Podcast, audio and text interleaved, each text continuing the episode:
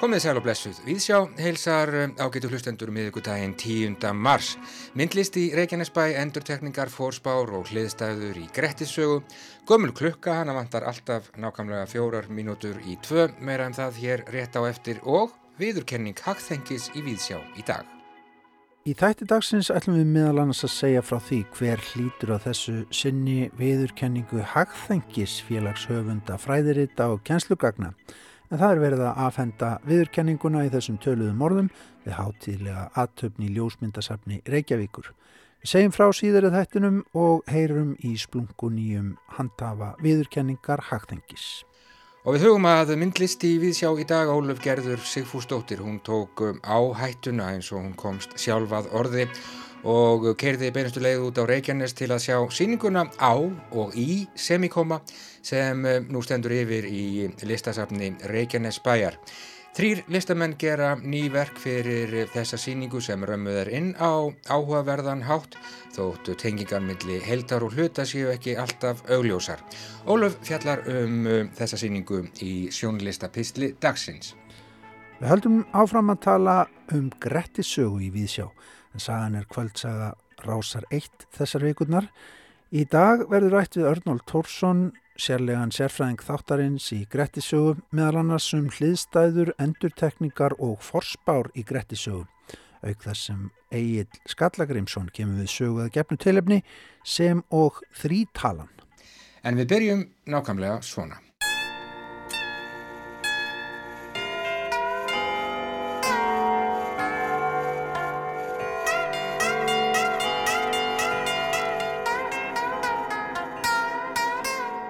Já, ágættu hlustundur, eiginlega komin vetur aftur, maður vaknaði við vindkviður og auðvitað jarðskjálta, maður er vanur því. Þetta er engin tíðindi, það kvein í þakskegginu og svona jáspursmól hvort maður ætti yfir höfuð að eh, hafa sig fram úr bælinu og halda lífinu áfram á þessari djöbla eigu en e, það var auðvitað ekkert annað að gera í þeirri stöðu en að fara á fætur og á fætur fór ég að sjálfsögðu. Nú kannast maður við sig í kjósinni, marsmánuður, gular viðvaranir út um allt, veðurstofan varar við kvassviðriða, stormi, snjókumu og hríð og versnandi akstur skilurðum þá engum á fjallvegum, þetta er þá allt orðið alveg eins og það á að vera. Ótíma bæra vorið sem við töluðum um hér í Víðsjá á dögunum ekki annað en ljúfur, fjólublár, draumur, agrafjallið horfið og skarðseiðin líka.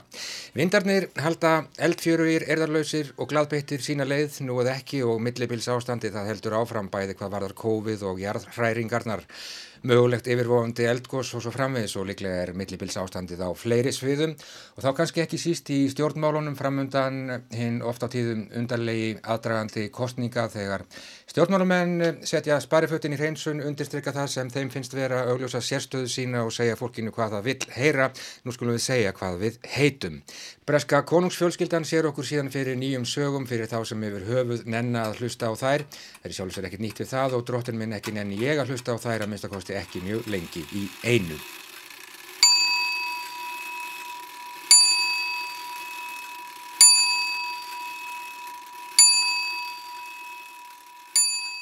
En ágættur hlustendur, það er alltaf verið að segja okkur sögur, sumar viljum við heyra, aðrar viljum við alls ekki heyra. En okkur eru sagðar sögur og við heyrum þær hvort sem okkur líkar það betur eða verð. Svo er bara hvað við gerum við þær, hvernig þær snert okkur, hvort þær koma bara og fara eins og vindurinn, nú eða setjast að í sálarlífinu til góðs eða íls. Við erum alltaf að leita að samhengi, samfellu, við viljum að hlutinir gerist einhvern veginn í réttri röð, atbyrðir, raði sér upp og myndi eina heild sem við getum fyrir eða síðar skilið. En því miður er það sjálfnast svo, við skiljum ekki neitt, líf okkar er samhengislaust, allt fram streymir endarlaust, það líður bara frá einu augnabliki til annars. Það eina sem við getum gert er að reyna að finna eitthvert samhengi, eitthvert þráð í þöluna og þá löngu síðar allt blekking.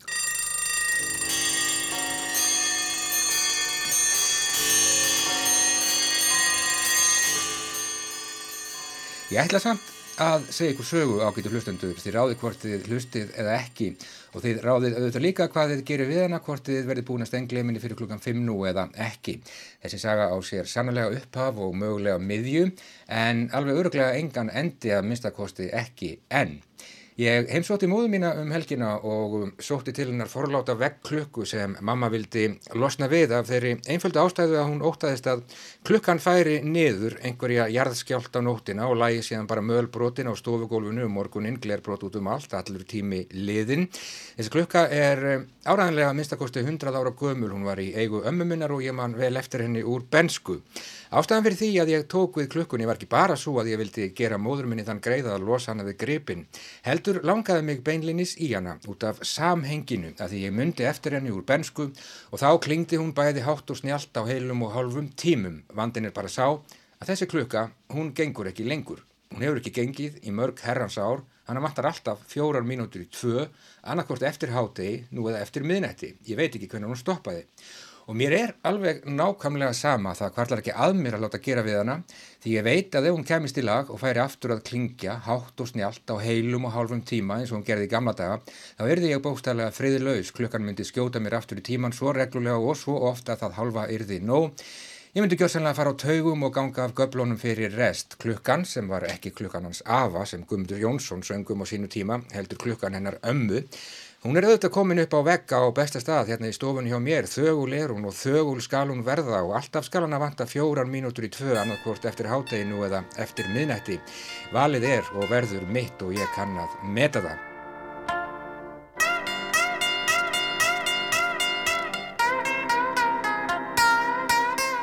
Ef svo fer að jarðskjálti verður henni að falli einhverja nóttina og ég kem aðeins nefna morguns á stofu gólfinu, glerbrót út um allt, allur tími liðin mun ég sætta mig við það. Ég mun býða til kvölds og setja síðan í rökkrinu og rýsla mér við að raða brótonum saman.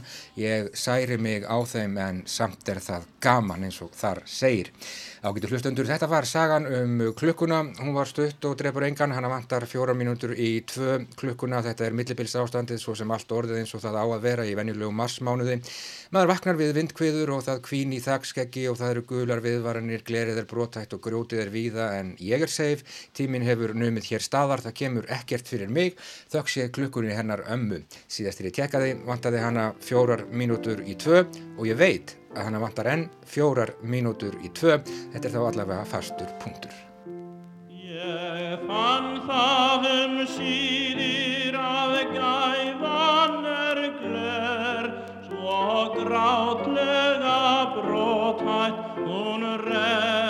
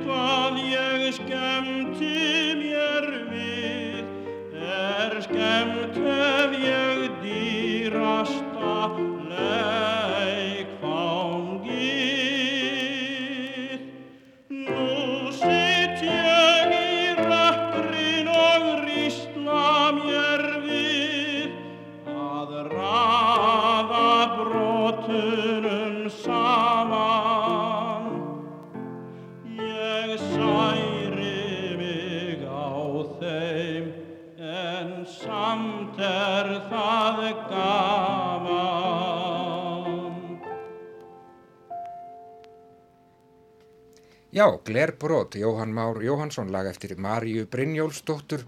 Tekstin eftir Freystein Gunnarsson, ég fann það um síður að gæfan er gler og svo framvegis.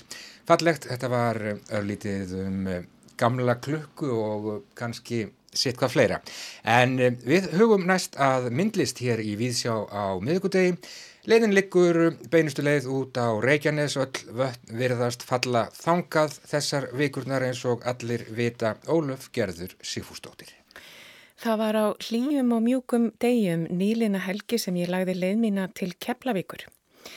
Það var engur líkar en að vorið hefði þjóðstartað þennan dag, sjórin lign og gólan hlý og ég myndi skindilega að árstíðirnar koma vist ekki endilega í línulegri röð í þessu landi. Þetta var stund milli stríða, sagði Elgósavaktin og ég þurfti á því að halda að komast út úr borginni, fara í góðan bíltúr eftir mikla inniveru undanfarið. Ég var á leiðinni að sjá síninguna á og í sem nú stendur yfir í listasafni Reykjanesbæjar. Ég var spennt að sjá síninguna sem er unnin út frá sjónarhóli líkamanns, síningu sem hverfist um þann skala sem líkaminn tekst á við daglega eins og segir í síningateksta. Líkamleiki og efnisleiki er emmitt eitthvað sem er ofalega bauðjum þessar myndir. Þessa dagana fylgjumst við öll af ákefð með fysisku yfirborði jarðar, fjöllum og sprungum og reyfingum jærskorpunar. Og þessi fyrirbæri urðu emitt af einhverju allt öðru en því sem ég skinnjaði vennilega þar sem ég kerði þarna reikinesbreytina í þetta sinn. Hér var heiði kunnulega landslag sem venjulega líður árensleilust hjá orðið að líkamlegum fyrirbærum, lífandi og sveianlegum lífurænum verum sem hreyfast og dansa undir yfirborðinu. Ég nikkaði yfir til keilis þar sem ég brunaði áfram út nesið og setti mig í stellingar fyrir það sem ég átti í vandum. Þessi upplifin mín þarna á leiðinni var ekki einungis lítið af skilabóðum innan úr yðrum jarðar, heldur einnig fyrirfram getum væntingum mínum til síningarinnar sem hefur sjónarhál hils líkamlega í forgrunni. Sýningin á og í samanstendur af nýjum verkum þryggja listakvenna sem allar hafa gert nýverk fyrir sali listasafs Reykjanesbæjar af þessu tilefni. Þetta eru myndlistamennir Björg Guðnadóttir og Helga Pálei Friðjófsdóttir og dansarin Jelena Arakelóf sem vinnur á mörgum myndlistar á sviðslistar. Það er tilhera hver sinni kynnslóð, svo elsta fætt 1969 og svo yngsta 1993. Sýningin reyðrar um sig í tveimur stórum síningasölum sapsins. Annar þeirra hefur nýlega verið tekin undir listastarsemi, hinn svo kallaði bátasalur sem áður hýsti mikið og forvitnilegt sapn bátalíkana og hefur nú verið fært til innan byggðasaps Reykjanesbæjar. En bæði söpnin, listasapnið og byggðasapnið eru starfarakt undir sama þakki í nafni Dös sapnahús í enda bæjarins. Við þessa útvíkun listasafsins rúmlega tvöfaldast rými þess og er til marksum nýjan tón og metnaður fulla sín nýs sapstjóra, Helgu Þóstóttur, um að gera sapnið að einu því framsagnasta á sveiði samtímalistar hér á landi. Um leið fylgir því mikil áskorun fyrir listamenn að valda svo stóru rými. Helga er einnig síningastjóri síningarinnar á og í og hún rammar hana inn með vísunum í feminiska heimsbyggingin Rosi Braidotti í síningaskrá sem hægt er að sækja sér gegnum QR-kóða á staðnum. Braidotti er þekkt fyrir að fjallum líkamann út frá gaggríninni feminiskri hugsun með áherslu á þau utanákomandi öll sem móta sjálfsveruna í tengslum við líkamann og hefð félagspolitíska umhverfi sem hann er hluti af. Ég verða viðkjanna að ég átti í dárallum vandraði með að tengja verkin við þessa innrömmun síningarinnar í held. En hér hefði hjálpað að fá einhvers konar leiðarvísi um verk listamannana í samengi við þann heimsbyggilega ramma sem settur er fram í síningarstjórnunarlegu ávarfi. Auðljósasta tengingin fannst mér þó við verk Jelinu en hún vinnur auðvitað á beinskettan hátt með líkamann og rýmið sem sviðslistamaður og dansari. Fyrir utan lifandi gjörninga sem hún flytur reglulega á síningatímanum hefur hún heilan sál til umræða fyrir vídeoverk og innsetningar sínar sem unin eru úr limböndum, tekstabrótum og vörpunum. Þótt heldur rúmt sem verk jelinu í þessum stóra sál skapa þau áhugaverða farvegi fyrir vangaveltur um reyfingu og samspil líkamanns við rými auk þess sem hún vinnur með línur, bil og fagnir á vel útfarðan hátt. Limbönd aðmarka rýmið ímist með línum á gólfi eða á veggjum og stundum hvoru tveggja á ská og tengja þannig hið lórétta og hið lárétta í eina samangandi heild. Gafferteip hangir löst í annan endan neðan úr lofti og rúlast niður í ofur hægri reyfingu og vindur þannig ofan af sjálfu sér fyrir tilstölan þingdarkraftsins. Mér var sagt að þessi reyfing hefði tekið á sig óvenda keipi undafarið. Í hinum salnum, gamla bátasalnum, raðast verk Bjarkar og Helgupálegar á víða veggina og inn á stóran gólflutin. Ég uppliði verk þessara tveggja listamanna sem afar ólík og átti stundum erfitt með að tengja þær saman inn í síningarkonseptið sjálft. Verk Helgupálegar sem enginnist af dökkleituðum málverkum varpa upp sviðsmyndum af ímiskonar daglegum atöfnum og hverstaslegum viðbörðum oft með örlítið súrealiskum blæjað á húmor. Þessir dökku fletir Helgu Pálajar mynda sterka andstæði við mjúka pastelliti í gifsverkum Bjarkar og stillans með verkum Helgu Pálajar fremst í salnum kallaðist skemmtilega á við innsetningu Bjarkar innst inn í hinum endanum. Í þessum sal var reyndar dálitið rugglinslegt að finna út úr hvaða verk tilherði hvaða listamanni en eftir hjálp safnvarðar tókst mér að lesa saman númeringar á gólplani og tilla verkana sjálfra á útprentuðum blöðum sem ég hafði í hendi. Björk vinnur hér með sjóndeldarringin og lárettu línuna, bæði í fínlegum og mjúkum nattlaga gifsverkum sem og í umfangsmikli innsetningu sem hún kallar hlið sjónlína. Innsetninguna vinnur hún úr fundnu efni, meðal annars tjaldsúlum og tjaldtekstil sem hún notar af mikillir namni til að teikna línur inn í rýmið. Það er helst í lárettu línunni sem salinir tveir tengjast, Björk með sjómdeldarringin og þá gjörðuð horfa til hliðar, meðan Jélena gerir tilurinnir með hliðarhæfingar í verki sínu Moving Sideways. Þess utan upplifði ég salina tvo fremur eins og tvær aðskildar síningar og stundum óttaði ég mig illa á tengingunum millir listamannana og síningarkonseptsins í heild. En þrátt fyrir þetta tengslaleysi sem ég upplifði millir síningarstjórnunalegs ávarps annarsvegar og verkana hinsvegar standa verk hvers listamanns auðvitað vel fyrir sínu.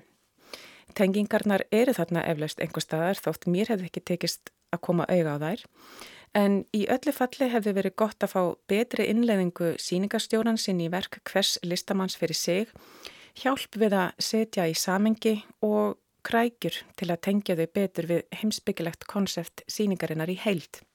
Saði Ólöf Gerður Sigfúsdóttir um síninguna á og í sem hann nú stendur yfir í listasafni Reykjanesbæðir. En nýlega gaf söngkonan Stína Ágústóttir sem að nú er búsett í Stokkólmi út blötuna The Whale. Á henni leika með Stínu Anna Greta Sigurðardóttir, píjánuleikari og gítaristinn Mikael Máni Ásmundsson. Við skulum heyra eitt lag af þessari plötu. Það er rámað lag eftir Joni Mitchell sem heitir Both Sides Now. Rose and flows of angel hair and ice cream castles in the air and feather canyons everywhere. I've looked at clouds that way, but now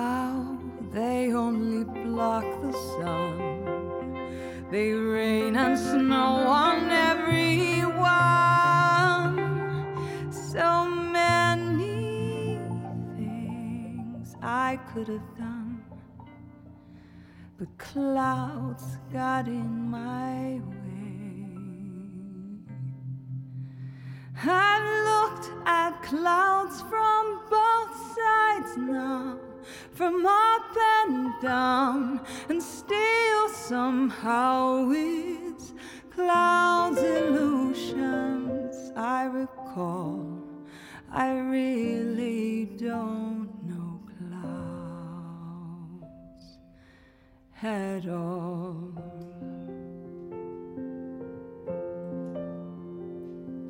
Moons and Jews and Ferris wheels the dizzy dancing way that you feel as every fairy tale comes real.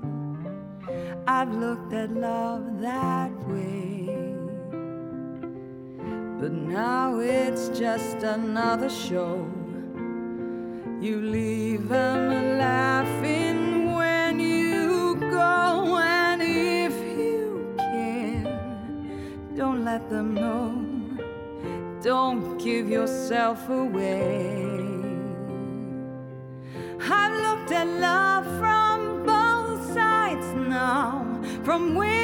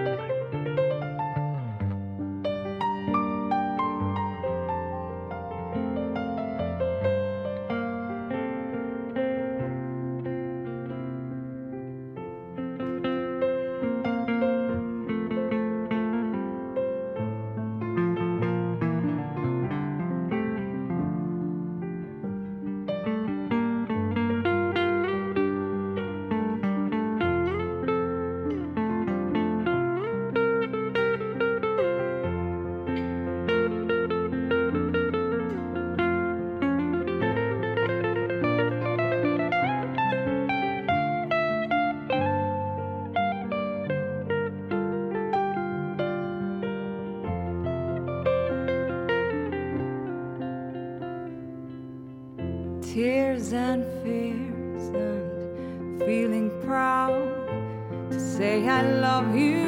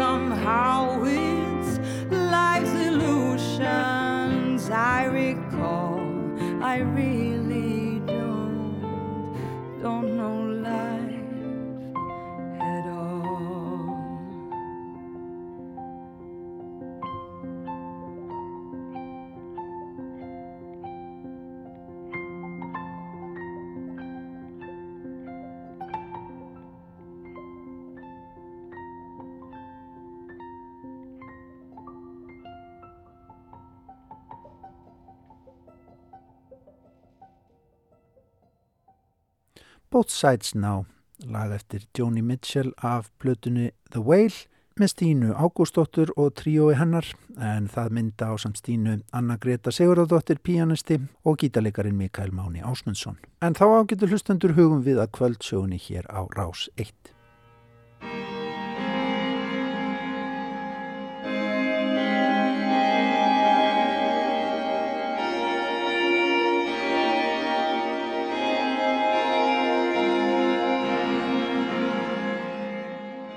Kvöldsagan á Ráseitt Gretti saga og við höldum áfram að tala um hana hér í Víðsjá og skemmt okkur yfir henni.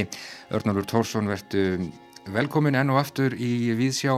Sko, í Grettisögu er sannlega svona ákveðin, ákveðin, það eru ákveðin bröð, það eru hliðstæður og það eru endurtekningar, það eru nú ekki, ekki draumar í Grettisögu en það eru sannlega fyrirbóðar og Grettir er varaður við ímsu þannig að Þannig að sagan hangir afskaplega vel saman að, að þessu leiti.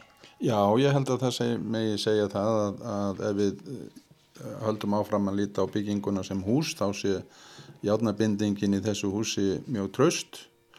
Það eru, sagan er mjög markvist byggð eins og þú segir með uh, forspám, markvistlegum forspám með hliðstæðum og endurtekningum þannig að það verður bísna gott innrým úr og jöfn svona stígandi uh, að fyrrareysinu þegar að Grettir og Glámur glíma og svo hægari að hennu síðara þegar að tvífararnir Grettir og Þorbjörn Öngull uh, uh, takast á og svo döði Bjarksbræðrana í, í, í Drángei.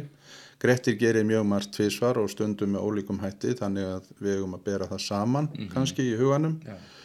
Það eru endur tekið nöfn, við getum bara tekið eitt dæmi til gamans, það er uh, Þorbjörn, kemur við sögu, margir Þorbyrnir, fyrst er það Þorbjörn Öksnamegin sem að uh, er anstæðingur alla og endar á að drepa hann.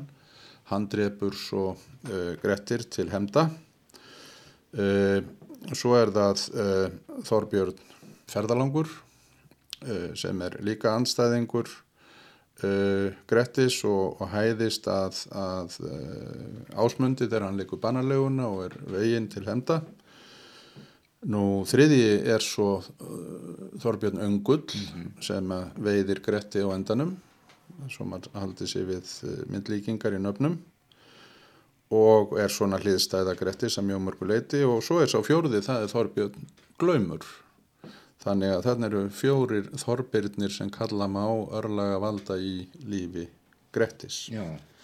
Og svo er náttúrulega eins og við höfum nefnt eh, önundu trefótur og þorsteit rómundur, þeir eru, eru hliðstæður við Gretti uh, hvor með sínum hætti. Og svo náttúrulega allir, það er skýr samanbörðu sem okkur er búið upp á við þennan, þennan eh, hægláta búmann og, og góða són föður sín sem er allir og þá er Grettir andstæðan og þetta er þekkt úr svo sem mörgum sögum, það eru svona bræðra pör í mörgum sögum, Gísla og Þorkjalli Gíslasögu, Gunnar og Kolskeikur í Njálu, Einar Þverahengur og Guðmundur Ríki í Ljósvetningasögu og svo framvegis.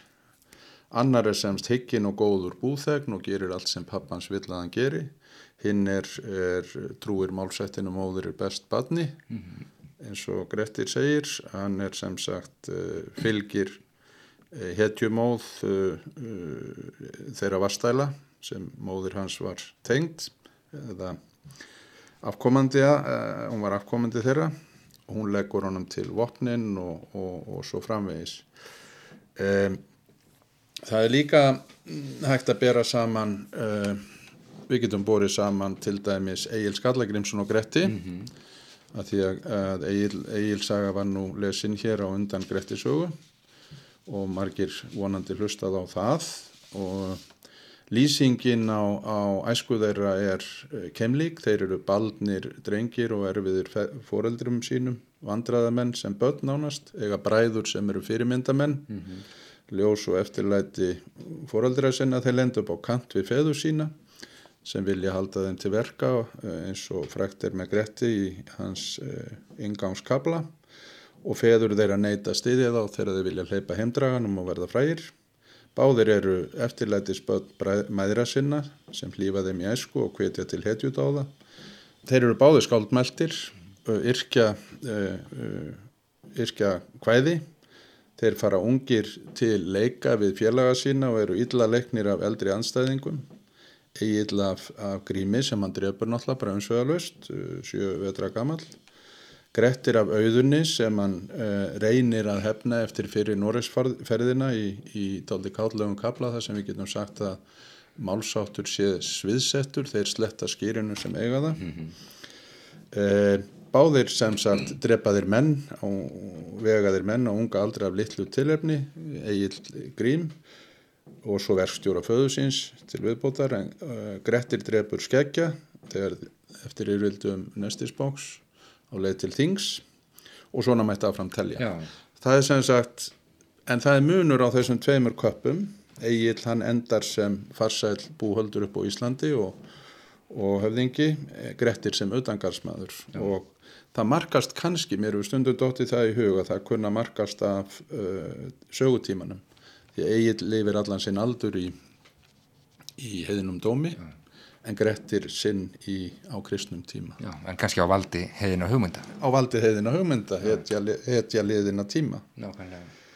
Nú svo við getum haldið áfram að rekja uh, dæmi um þessa játnabindingu, það eru mjög margir hlutir sem að uh, gerast þrísvar eða þrítalan er mjög ábyrjandi í sögunni, ekki hvað síst í, í sem sagt síðasta hluta æfisögu Grettis. Uh, þrýr dvalastæðir hans fjarir mannabygð eru, eru Arnavasseiði, Þóristælur og Drángæ og hann dvelur þrjú ára á þremur stöðum Þrýr dalir koma við sögu, uh, þrýr andstæðingar sem ég nefndi áðan, Þorbirnir og, og drángægakablin, lokakablin, hann er kannski sérstaklega markaður þessum uh, þrítekningum. Þeir fara þrýr saman til drángægar og eru þar þrjá vetur. Þorbjörn Öngull kemur þrísvarsinnum í heimsókn. Þurriðu Kelling uh, Magna Rótatrið þegar þrjár vikur eru til vetrar, það er ekkur þrísvar á drángæjarfjörur, glaum henda þrjú slís, uh, það er eldurinn sem hann slökkvir, hann ber heim rótartrið og gleymir svo að draga upp eh, stigan. Ég hef aldrei skilið það raunar og það er eina blekkingum sögunar akkur stígin þurft að vera niðri. Mm -hmm. Fyrir hvern var það, Já. var hann ekki bara uppi. En um, hann Grettir glýmið þrísvar við mennvættir í Háramassa, í Forsæledal og Borðardal og svo er það kannski fjórða tilbreyðið.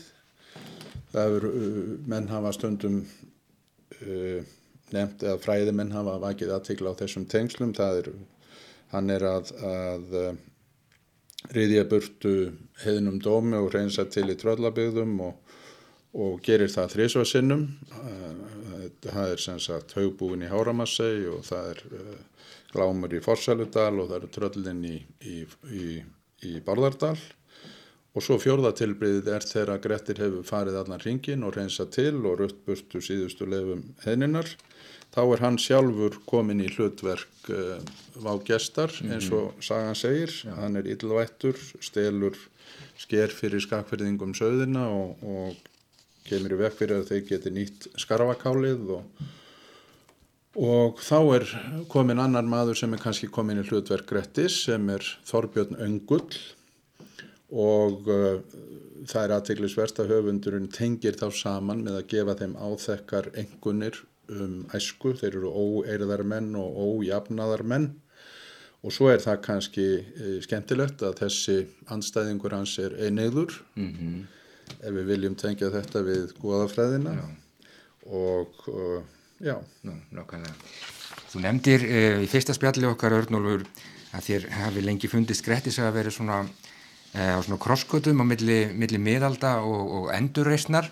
Um, hún endar á þessum spesar þætti ekki satt sem er, sem er orðin svolítið æfintýra kendur og þessi gamla kenningum að Íslandingasögurnar, já, það byrjir svona hægt og rólega á, á, á, á 13. öld og svo nái e, náðu svo hápunktið einhvern tíman þarna með njálu en svo þinnist þetta einhvern veginn út í einhverjar fábiljur sem eru alveg sem það notaðir hérna um, um daginn. En Grettisaga er á þessum mörkum einhvern veginn. Við erum að sigla inn í, í æfintýrið við erum það sannarlega, við erum kannski, það er má ef maður vill, vill eh, svak, uh, velta fyrir sér stöðu hetjunar. við, ég nefndi áðan Egil og, og uh, Gretti sem sannarlega eru báðir miklar hetjur. En ef maður vill eh, velta því fyrir sér stöðu hetjunar í samfélaginu þá er hetjan framan af í sögum nöðsynlegur öryggisventil í, í samfélagi sem hefur engan lauruglustjóra og, og engan sem að uh, framfylgir dómum og hetjan er þá í því hlutverki eða vigamadurinn að, að sem sagt að uh, framfylgja dómum, drepa þá sem á að drepa og reykju landi þá sem á að reykju landi og svo framvegis. Já. En það, ef maður, maður getur lesið sögurnar þannig að það sé vaksandi óþól í sögum gagvart þessum vigamönnum þannig að þeim er, eh, þeim er ekki vel vært í sögum sem að kannski eru yngri eins og þeim er í hinnum eldri sögum og uh, þeir sem sagt fara á jaðar samfélagsins út, í, út á vald náttúrunnar en gegna þar þá kannski hlutverki að takast á við náttúruvættir Nú sömur verða náttúruvættum eins og Bárður Snæfells ás.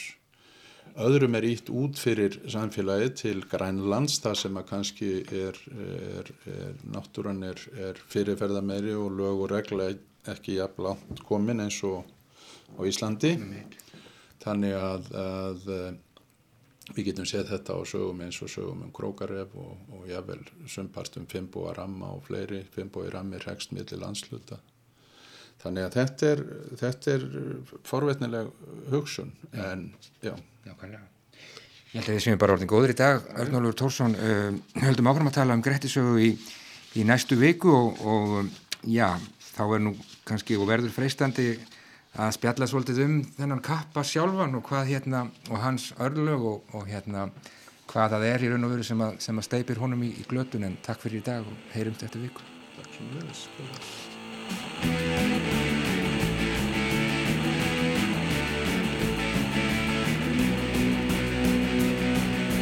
Náður hýttar mann sem kom úr jötun Mestur var þann eftir að hann dó.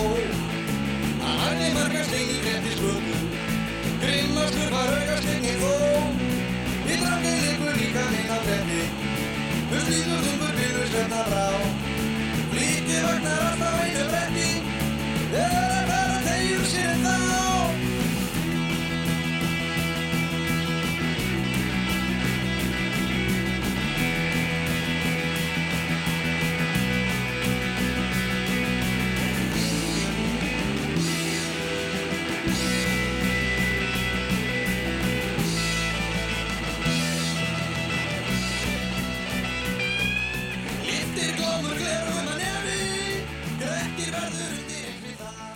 Já, spjallum Grettis sögu hér í Víðsjá á miðgudegi og um, auðvitað einn klassískur Bubbi Mortens í lokin eins og venjulega hjá okkur Örnólfur Tórsson, sérlegur sérfræðingur þáttarins í sögunni að ræða um hliðstæður, endurtekningar, fórspár og raunar margt fleira í þessari sögu.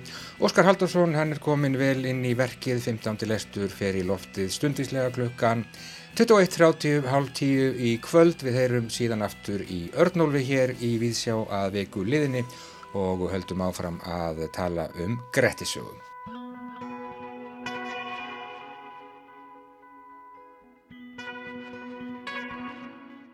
Núna klukkan fjögur var veitt við hátíðlega aðtöfni í ljósmyndasafni Reykjavíkur viðurkenning Hagþengis þetta árið. En frá árinu 1986 hefur Hagþengir félag höfunda fræðirita og kjenslugagna veitt viðurkenningu fyrir fræðirit og námsgögn eða aðra miðlun fræðilegs efnis til almennings. Sem fyrr voru tíu höfundar tilnæmdir fyrir verksín en viðurkenningar ráð skipað fimm félagsmönnum hagþengis ákvaða lokum hvaða reit og höfundur hlýtur viðurkenninguna en veluna uppaðin er 1250.000 krónur. Og það er skemmstfræði að segja að viðurkenningu hagþengis að þessu sinni hlaut Pétur Ármannsson, arkitekt og fræðimaður fyrir glæsilegt reitsitt Guðjón Samuelsson húsameistari sem heið Íslenska bókmyndafélag gefur út og vakið hefur mikla aðtikli og aðdáðan. Guðjón Samuelsson er auðvitað líkinmaður í uppbyggingu Íslensk samfélags á 20. öld. Við hér í Víðsjá leifum okkur að vitna beint í þakkaræðu Péturs Ármannssonar við þetta tilefni núna áðan en ræðuna fengum við senda fyrr í dag. Þar segir miðal annars. Bókin um Guðjón Samuelsson á sér langan aðdraganda. Allt aftur á nýjunda áratug síðustu aldar þegar Arkitektafélag Íslands emdi til síningar í tilefni þess að öld var liðin frá fæðingu húsameistarans. Rætur míns sögulega áhuga má þó rekja lengra aftur. Ég þakka hann ekki síst góðu bókasafni á benskuheimili mínu sem og aðgengilegu bæjarbókasafni Garðarheps sem þá var í sama húsi og gagfræðaskólinn sem ég gekk í. Í því safni rakst ég að tilviljun á bók sem að nefndist Íslensk bygging brautriðandastarf Guðjón Samúlssonar eftir Benedikt Gröndal og Jónas Jónsson frá Hriblu. Reit sem ég hafði ekki áður séð en kveikti strax áhuga minn. Ég nefni þetta hér til að minna á hversu óendanlega mikilvægt það er að börn og ungmenni hafi aðgangað góðum bókakosti jamt á heimili sínu og í mentastofnunum á öllum skólastegum. Engin upplýsingatækni kemur í stað þeirrar óvæntu gleði að uppgöta fyrir tilviljun spennandi bók í búð eða á sapni. Sá skóli er lítilsverði sem ekki veitir nefendum sínum aðgangað góðu bókasafni með vönduðum fræðibókum.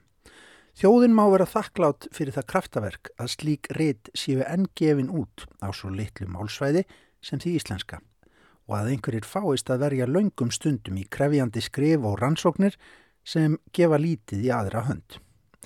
Í því sambandi er mikils virði að eiga tröstan bakkjarl í hagþengi sem heldur merki fræðibóka á lofti og stendur vörð um hagsmunin þeirra sem að þeim standa.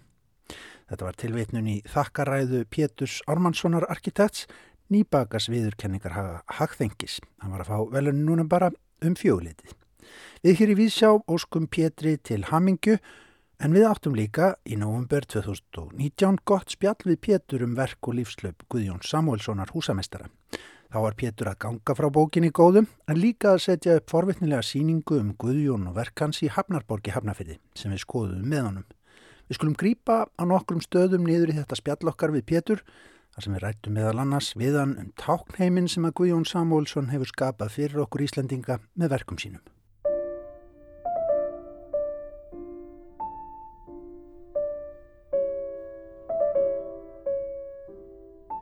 Já, það þekki allir þessar byggingar. Það eru bara tákn fyrir stopnarnir og staði og, og, en það er kannski færri sem gera sér grein fyrir því að það að sami maðurinn hafi skapað öll þessi form. Mm -hmm. Það eru svona tákn í minni þjóðarinnar. Hann er henni skapar form heim sem er bara orðin hluti af, af íslenskri menningu, þannig að lagað. -huh. Eh, Symból fyrir tákn fyrir Ég menna það er allir háskólakennarar með allar glærutna sínar með mynd af framhlið háskólas. Akkurat. Akureyra kirkja, ták fyrir Akureyri, Hallgrímskirkja er að verða bara ták fyrir Reykjavík mm.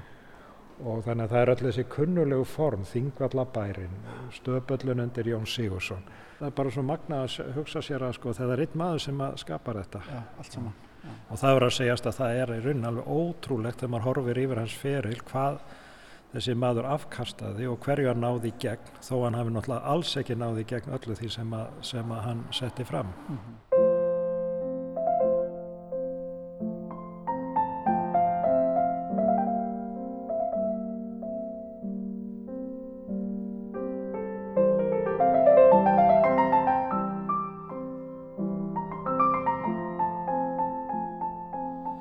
Náttúrulega mikið til að brefum og heimildum um einstök verk Guðjóns sem, sem hann vann í vinnunni en það er svo merkilegt með þennan frægamann að það er allt sem snýra hans eigin personu er svolítið mikið uh, sveipað dölúð. Hann uh, skildi ekki eftir sín neyn enga bref eða dagbækur eða neitt sem þannig sem var hægt að styðjast við og uh, hann lifði mjög svona, hann, hann var einungi skiptur í skamman tíma, hann var maður sem í rauninni livði fyrir starfið. Mm -hmm. Hann hafði gríðarlegan metnað fyrir hönd Íslendinga og skinnjaði einhvern veginn sitt hlutverk sem fyrsti fagmaður á þessu sviði til þess að taka þátt svona í því að bara já, skapa svona endurreisa eða, eða reisa sína fram á Ísland væri þjóðmeðal þjóða í menningarlegu skilningi við ættum byggingar og stopnanir -hmm. hann er hluti af tæknivæðingu í Íslands samfélags innviðavæðingu ef svo má segja -hmm.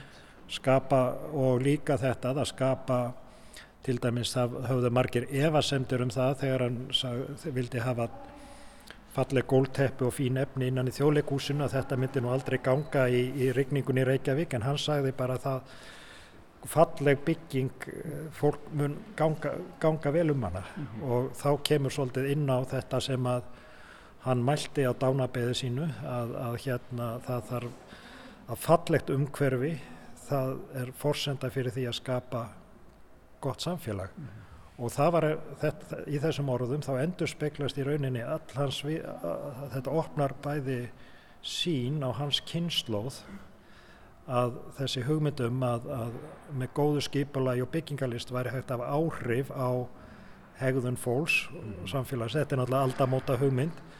En þetta, hér á landi þá blandaðist þetta líka inn í, inn í sjálfstæðisbaráttuna og, og, og þennan anda sem að sveifi við vötnum sem að, sem að hérna sem að hann var fulltrúi fyrir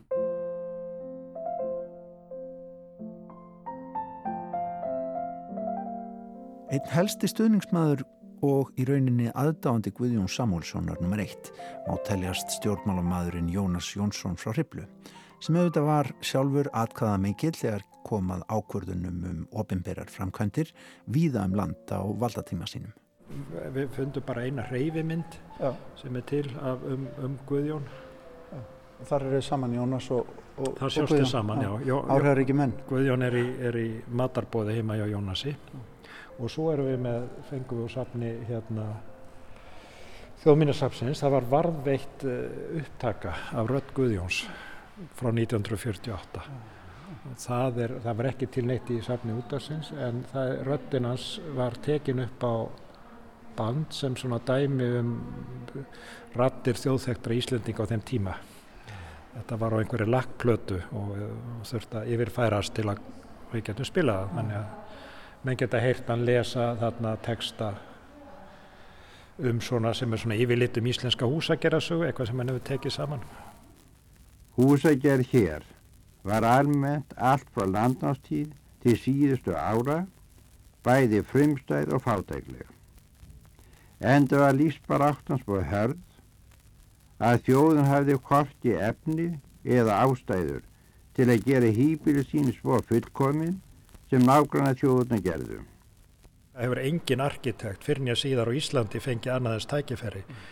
Ég hugsa að það sé leit af arkitekti meðal annara þjóða, einstaklingi sem fekk í rauninni tækifæri til að leggja grunn að bara húsagerðar menningu heillar þjóðar. Hann, hann kemur hérna til landsins og tekur hljá námi 1915 eftir Reykjavíkubrunnan og þá kemur hann eiginlega bara auðu blaði í miðborg Reykjavíkur. Hann teiknar fyrstu steinhúsin Reykjavíkur Apotek eða hús Nathan Olsen við Östustræti sem var bara eins og sko mannum finnst mikið, mikið til um stærðin á Hafnartorki og Hörpu í dag en þessi að sjá gamla mynda þessari byggingu rýsa yfir láreistu húsin í miðbænum þetta var bara upp af nýra tíma og hann leitt svolítið þannig á hlut, hlutverk sitt að hann væri að leggja grunninn að nýri þjættbílis og bæjar menningu á Íslandi en það talar hann sjálfur um það í, í, í fyrirlestri og greinum að skipula bæjana og eiginlega uppbygging á, á, á þjættbílis, þjættbílis menning á Íslandi væri mikilvægasta verkefni bara þjóðarinn á 20. stöld. Um aldamótin hófst sér algjörlega ný og mjög merkileg byggingaraðferð. Árið 1887 var byggt hér fyrsta steinsteipu húsið. En almennt var farið að nota steinsteipu til húsa nokkuð eftir aldamótin. Þótt undarlegt sé, munum við vera með allra fyrstu þjóðum sem notaði steinsteipu til húsagerða. Orsök þessa hefur sennilega verið svo að hér fannst ekkert notast byggingarefni. Það ber nú öllum saman um að þetta hafi verið hinn mestu heiðus maður en þetta var maður sem að bara sem að helgaði sér starfinu og þegar maður sér afraksturinn e, þá bara skilur maður ekki hvernig einn maður gæti komist yfir þessi verkefni og líka það að hann er á sko til dæmis hann er á sama tíma að teikna landsbítala þjóðleikhús, sundhöll fyrir utan öll önnur verkefni fyrir utan allt sem hann var að vinna á sig skiplasmála þarna í að, svona í aðdraganda alþingisháttíða 1930 og eh, hann þurfti að fara til útlanda að kynna sér leikhús, sundhallir, spítala því að það var engin, for, þetta voru miklu flóknari byggingar en nokkuð tíman hefði verið byggðar áður á Íslandi mm.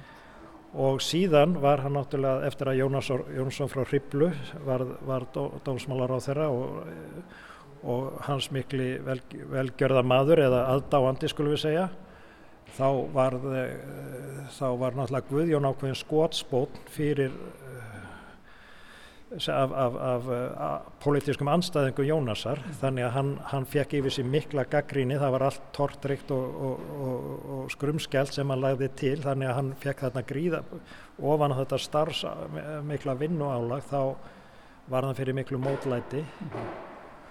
Eftir alþingisáttina 1930 sem að hann bara ábyrði á því að skipuleggja þá fer hann í langt veikindaleifi og hann verður næri aldrei fullri helsu eftir það hann þurfti að dveljast á hverju ári á hilsuhælum Erlendis og, og hann fekk uh, Parkinson veiki setn á æfinni og gæti lítið teikna sjálfur.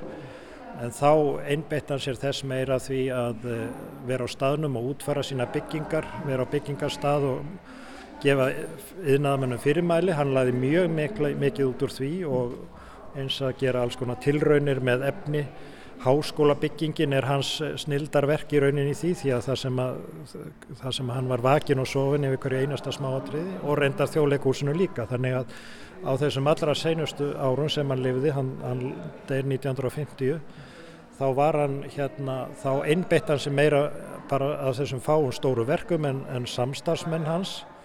E, þeir, þeir sáum að útfæra minni byggingar sem voru náttúrulega fjölmarkar og líka en en hann kom samt sem áður sem yfirmaður stofnuna þá kom hann að öllum, öllum þessum verkefnum og svona lagði línutnar. Kvittar upp á allt? Kvittað upp á allt og allt gert í hans í, í svona í samráði við hans með hans samþekki þannig að hann mótaði línutnar í svona listrand séð með öll verkefni empatis en það þótt hann teiknaði ekki alveg hver einustu línu sjálfur.